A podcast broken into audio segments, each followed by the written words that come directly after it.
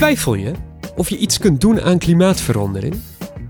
Of heb je enkel dat ene laatste duwtje nodig voor een duurzamer leven?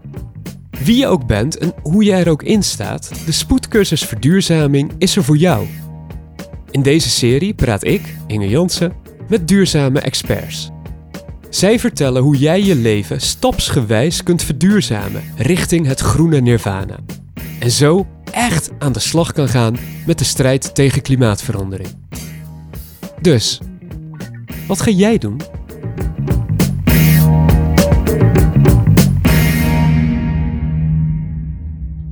Of je bent blijven luisteren naar de eerste podcast, waarin je hoorde dat je echt iets aan het klimaat kunt doen. Of je bent direct bij deze podcast uitgekomen omdat je meer wilt weten over hoe je je gedrag verandert en hoe je dat leuk houdt. Ongeacht de reden, goed bezig. Tof dat je werk wilt maken van een duurzamer leven. Maar ja, hoe verander je je gedrag op een nuttige manier? En hoe zorg je ervoor dat dit niet voelt als werk, maar juist als een upgrade van je leven? Precies daarover praten we in deze podcast. En ik heb goed nieuws. We bespreken twee stappen in één uitzending. Dat is nog eens meters maken. Voor de eerste stap praten we met Madelon van Hemel, gedragspsycholoog bij haar eigen bureau, Gedragsstrategie. Zij weet hoe je je gedrag kunt verduurzamen en hoe je dat volhoudt. Ook aanwezig is Vin Smeets. Als gedragspsycholoog helpt hij met het bedrijf Duwtje om mensen impactvolle, duurzame acties te laten nemen. Zoals via gamification minder vaak de auto pakken. Vin vertelt hoe je ervoor zorgt dat duurzaam leven niet voelt als iets dat moet, maar juist als iets dat leuker is dan voorheen. Ik wil met jullie over drie onderwerpen praten. Hoe werkt gedrag? Hoe verduurzaam je dat? En hoe hou je het leuk? Dat zijn grote thema's, dus laten we klein beginnen bij jullie. Finn, wat was voor jou het moment in je leven dat je dacht: nu moet het roer om? Ik ga alles verduurzamen. Ik weet niet of ik een specifiek moment kan aanwijzen, maar ik denk dat ik vanaf mijn 21ste eigenlijk echt begon met veel lezen. En uh, ik nam mijn lidmaatschap uh, bij de correspondent op een gegeven moment. En toen besefte ik op een gegeven moment gewoon echt de noodzaak van. Ik zag ineens van dit is echt een groot probleem en hier moeten we iets mee. En toen ben ik niet drastisch mijn leven helemaal uh, om gaan gooien. Maar toen is het eigenlijk begonnen met kleine stappen. Begon bijvoorbeeld met uh, minder vlees eten. En dat is dan uiteindelijk doorgegroeid naar helemaal geen vlees. Dat is nog pas sinds een half jaar geleden. Dus ik weet niet waar dat naartoe gaat. Maar ik ben dus bezig met stappen maken daarin. Madelon, wat is het meest ingrijpende dat jij in je leven hebt veranderd voor een duurzamer gedrag? Ik denk dat dat is dat ik geen vlees meer eet. En dat is best wel ingrijpend, omdat je daar elke dag uh, mee bezig bent en daar alternatieven voor moet zoeken. Maar er zijn ook nog heel veel stappen die ik ook heel ingrijpend vind, die ik nog niet gezet heb. Kijk, ik vlieg bijvoorbeeld bijna nooit eigenlijk nooit, maar ik heb er ook geen behoefte aan. Dus dat vind ik niet een ingrijpende stap. Ik heb nog wel steeds een, een benzineauto die ik eigenlijk wel de deur uit zou willen, maar toch ook nog wel verschrikkelijk makkelijk is om die wel uh, bij de deur hebben staan. En ik ben nog niet op dat moment gekomen dat ik zeg van nu gaat hij de deur uit en ik zoek uh, uh, naar alternatieven. Voor jullie allebei, beginnend bij Finn, is je leven leuker of minder leuk geworden sinds je duurzamer gedrag vertoont? Zeker niet minder leuk. Nou, ik, ik kan als voorbeeld nemen bijvoorbeeld geen vlees eten. Dat lijkt heel moeilijk en het lijkt best wel een opoffering. Van, ik, ik hield heel veel van vlees. Ik hou er denk ik nog steeds van. Maar daardoor moest ik dus eigenlijk al mijn standaard uh, gerechten die ik altijd had, bijvoorbeeld spaghetti bolognese was een standaard wat ik dan heel snel in elkaar zette. Ik moest opnieuw gaan nadenken van wat ga ik nu maken. En dat was eigenlijk een hele leuke uitdaging, want zo ben ik bij allemaal nieuwe recepten gekomen. En kwam ik erachter dat er... Uh, heel veel dingen gewoon ook heel, net zo lekker zijn als vlees, ja, waar geen vlees in zit. Madelon, wat is, uh, wat is dat voor jou? Is je leven leuker of minder leuk geworden? Ik vind het eigenlijk veel leuker, want het is, uh, uh, mijn keuzes zijn, hebben meer waarde voor mezelf en voor de omgeving. En ik merk het, ik heb kinderen, ik merk ook dat het op hun uitstraalt. ik ben bijvoorbeeld ook bezig met van nou, goh, wat ligt er eigenlijk ontzettend veel rotzooi op straat. En dat zien de kinderen ook en zeggen ze, oh mama, kijk nou, wat, wat is dat slecht voor de natuur? En ze komen zelfs al, dan zijn aan het buiten spelen, komen ze met een handvol rommel naar mij toe. En sta ik er vervolgens mee. Maar dat maakt het wat minder uh, leuk. Maar ik vind het wel heel mooi wat voor effect het op hun heeft. En uh, dus ik vind het heel waardevol, uh, die veranderingen. De bewuste keuzes die ik nu maak.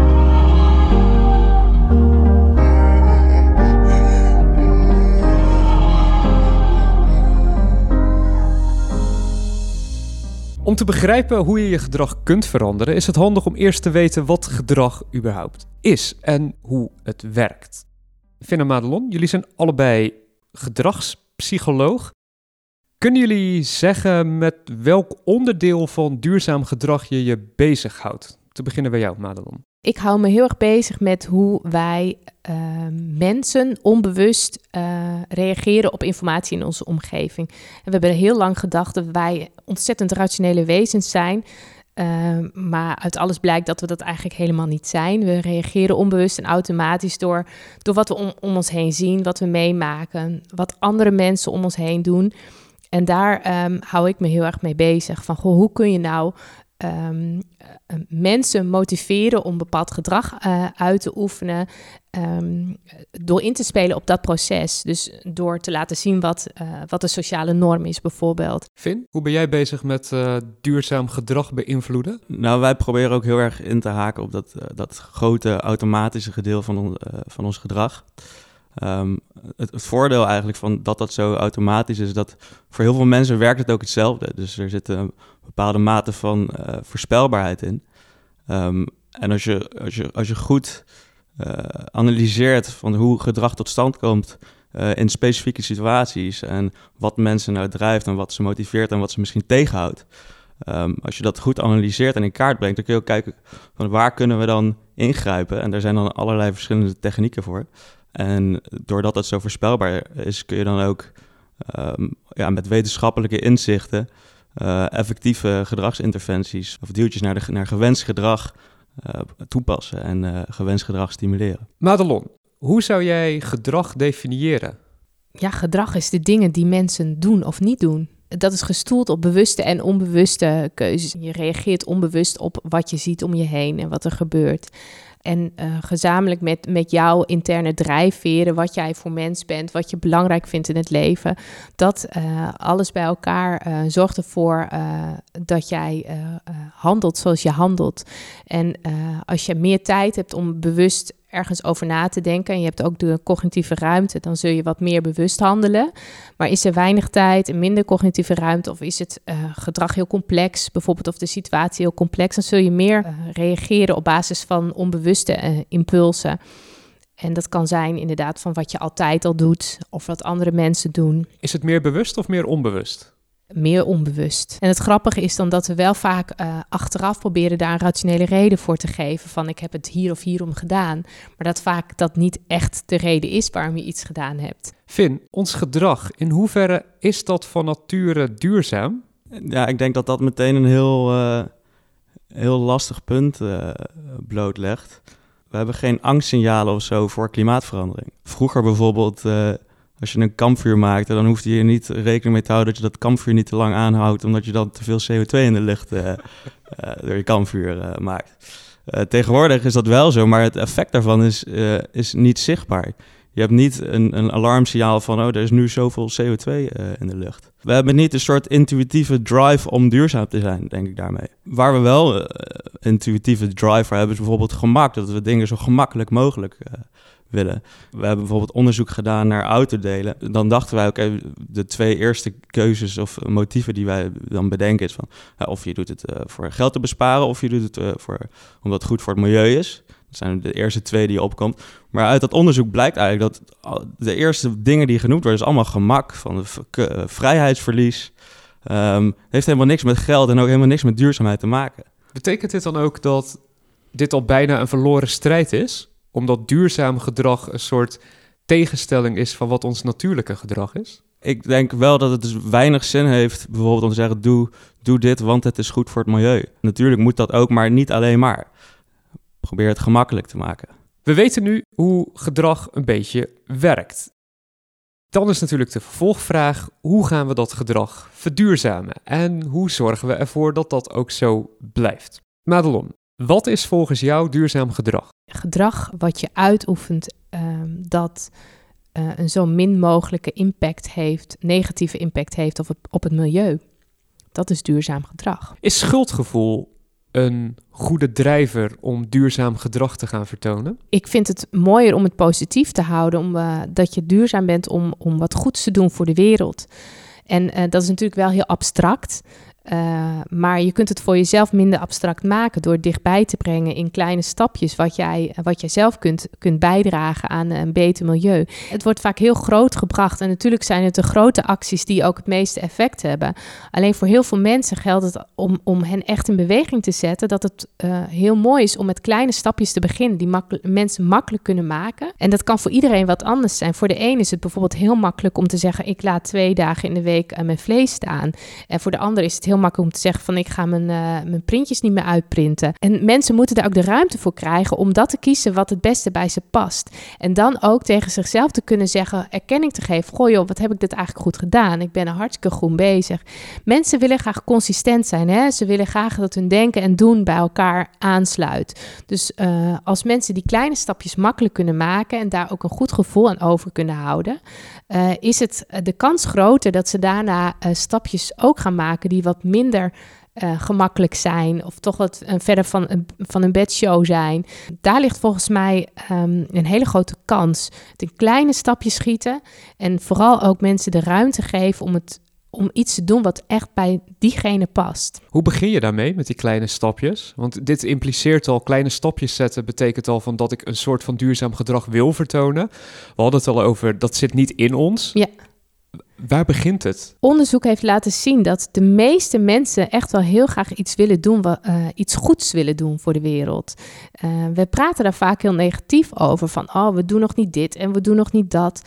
Um, maar als we eens laten zien wat we allemaal al wel doen, uh, je kunt zeggen van nou, zoveel procent van de mensen die scheidt hun afval nog niet. Maar als je zegt van nou, 60 procent van de Nederlanders die scheidt al uh, 80 procent van de afval. Ik heb geen idee van de cijfers hoor. Maar als we de boodschap positief framen, dan krijg je dus dat uh, de sociale norm wordt, je scheidt je afval.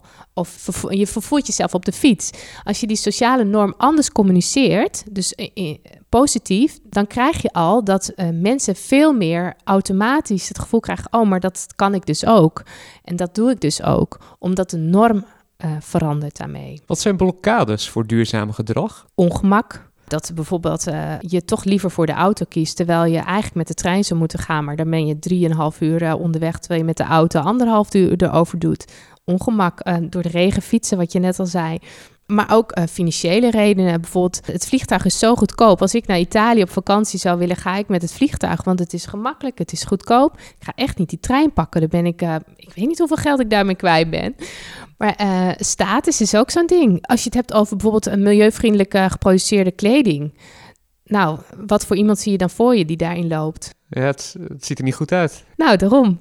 Dat is dus voor heel veel mensen de reden, nou, daar, daar ga ik niet aan beginnen. Daarnaast hebben we ook, hè, we proberen soms milieuvriendelijk uh, gedrag te stimuleren door uh, een financiële beloning of te laten zien hoeveel geld je daarmee bespaart. Alleen uh, het risico daarvan is dat mensen een kostenbatenanalyse gaan maken van, oh jeetje, maar man, wat een gedoe levert dat op. En nou, voor 40 euro per jaar? Nou, laat dan maar. Of dat ze zeggen van, oh, maar ik heb zoveel bespaard uh, op dat. Oh, mooi, maar dan kan ik dus wel uh, mijn, uh, mijn hummer houden. Want dat geld wat ik daar op dat andere gedrag bespaar... kan ik dan steken in de benzine die ik in mijn hummer stop. Dus je, je, je, je, veroorzaakt daarmee dat mensen in een soort van financieel ehm, afweging komen. Terwijl het volgens mij wel een kans ligt in het uh, het duurzame aspect. Er is onderzoek geweest dat mensen ook een soort van warm glow krijgen als, je, als ze iets goeds doen voor het milieu.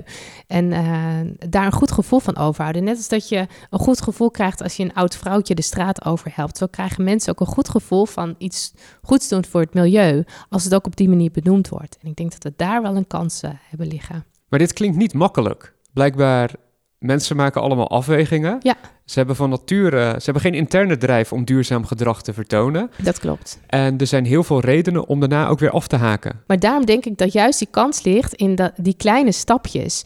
Uh, bijna iedereen uh, realiseert zich echt wel dat er nu wat moet gebeuren. Je kunt communiceren, iedereen moet zonnepanelen en isoleren en uh, een warmtepomp en al die moeilijke, dure, grote dingen. Maar als we communiceren, kies eerst iets wat bij je past iedereen kan wel iets bedenken wat bij hem past. En daar ook de credits voor nemen. Van, nou kijk eens, dat heb ik goed gedaan. En daarmee kan je, uh, daar geloof ik echt in, dat je dan een soort van ja, uh, vliegwiel in werking kunt zetten. Van uh, al die kleine stapjes, die kunnen uiteindelijk leiden tot grotere stappen. En ook een, een, een normverandering.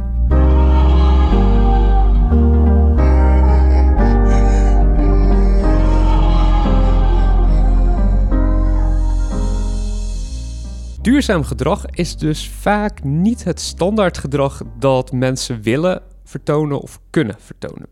Ehm, we denken ook vaak negatief over duurzaam gedrag. Hè? We fietsen door de regen, we kunnen nooit meer vliegen. We hebben allemaal vieze vleesvervangers in plaats van dat echt hele lekkere biefstuk. We moeten super kort douchen, we moeten altijd een trui aan thuis. Het is gewoon allemaal niet leuk. Finn, help ons.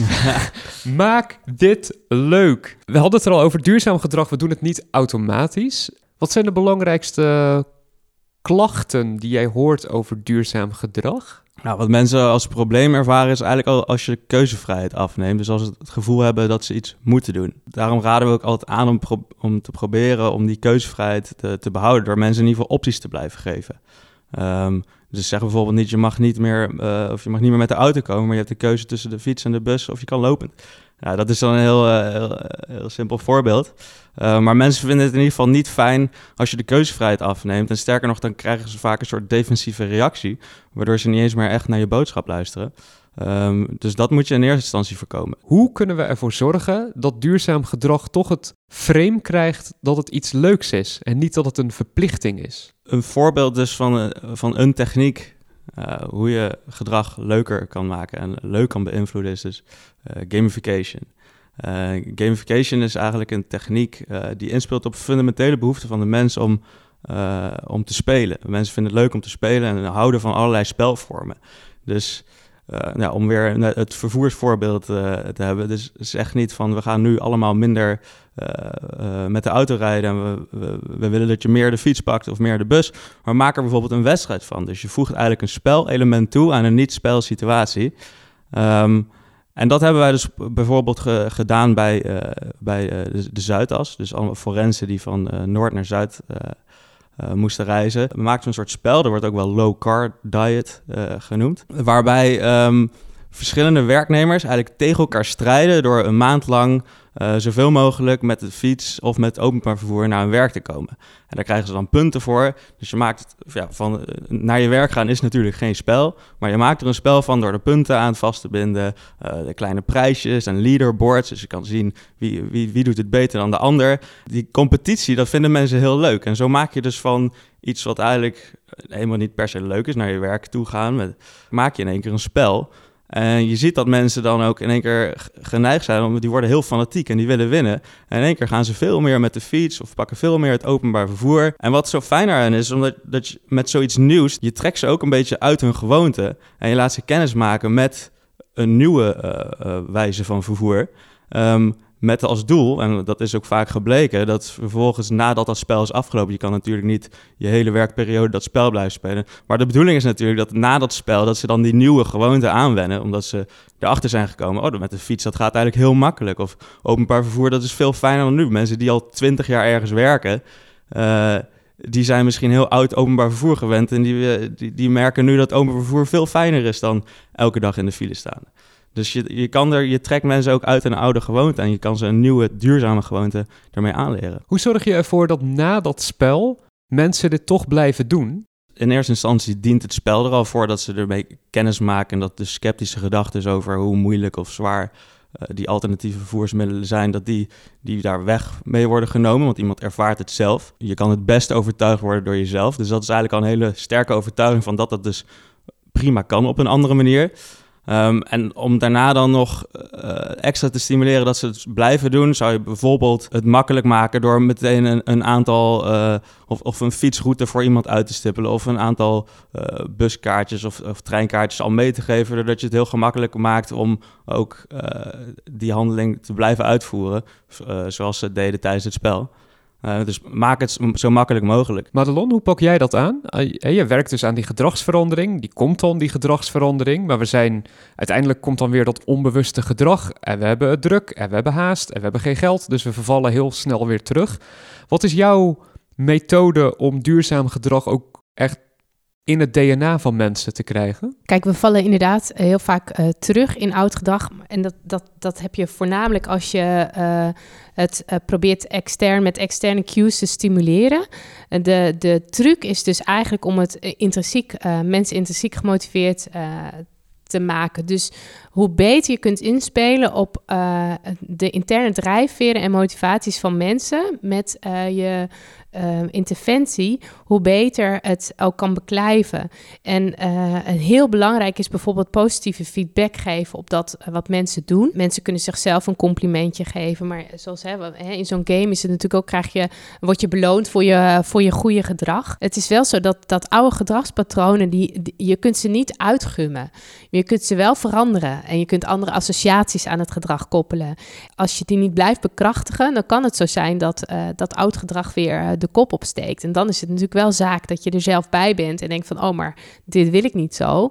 En ik ga weer proberen dat nieuwe gedrag verder te bekrachtigen. Een hele moeilijke in dit hele zoeken naar duurzaam gedrag lijkt me het aanjagen van duurzaam gedrag wat gewoon minder leuk is dan het alternatief, dan wat je voorheen deed.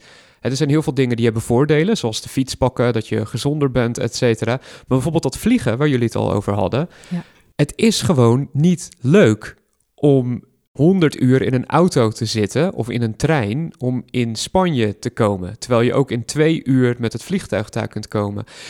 Is daar dan toch een oplossing voor om dat alsnog leuk te kunnen maken of om in ons gedrag te krijgen? Of moeten we daarvan denken, uh, oké, deze vergeten we even? Als mensen steeds meer gedrag gaan doen dat past bij dat milieubewuste, dan, dan krijg je consistent gedrag.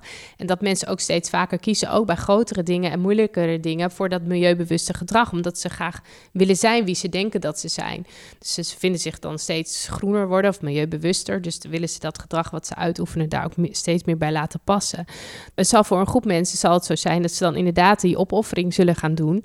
Uh, en aan de andere kant denk ik dat er, dat er soms ook van buitenaf gewoon maatregelen nodig zijn, zoals het vliegen duurder maken, hoe, hoe vervelend het ook is. Finn, hoe zou jij ermee omgaan? Een belangrijk gegeven is dat mensen bijna altijd de weg kiezen van de minste weerstand. En als je vliegen vergelijkt met een auto pakken, of de auto, dat is gewoon heel veel extra weerstand. Dat kost eerste heel veel tijd.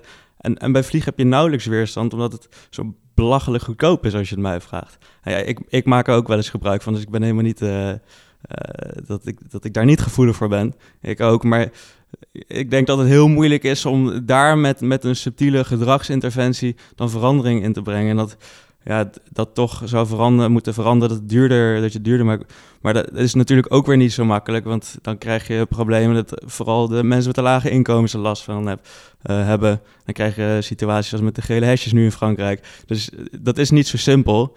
En, en ik, ik, ik zie nu niet 1, 2, 3 hoe, hoe we daar een leuk spel van kunnen maken door mensen in één keer met de auto naar Frankrijk uh, kunnen laten gaan. Misschien elk, elk, elk tankstation een paar punten verdienen. Als, uh, lastig.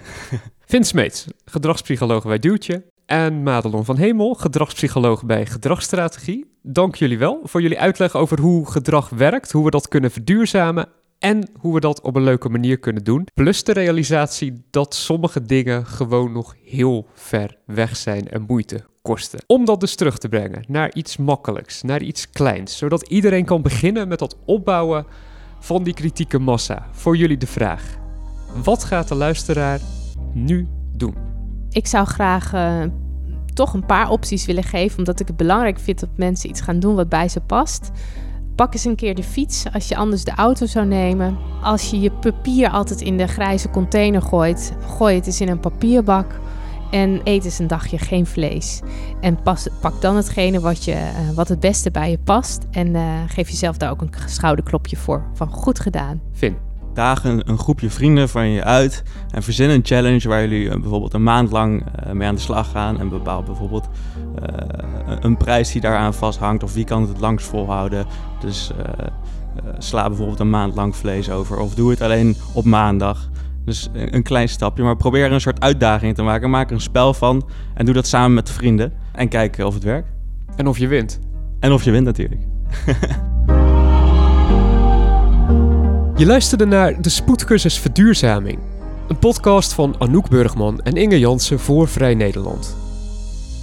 De hele spoedcursus vind je op www.vn.nl/slash spoedcursus.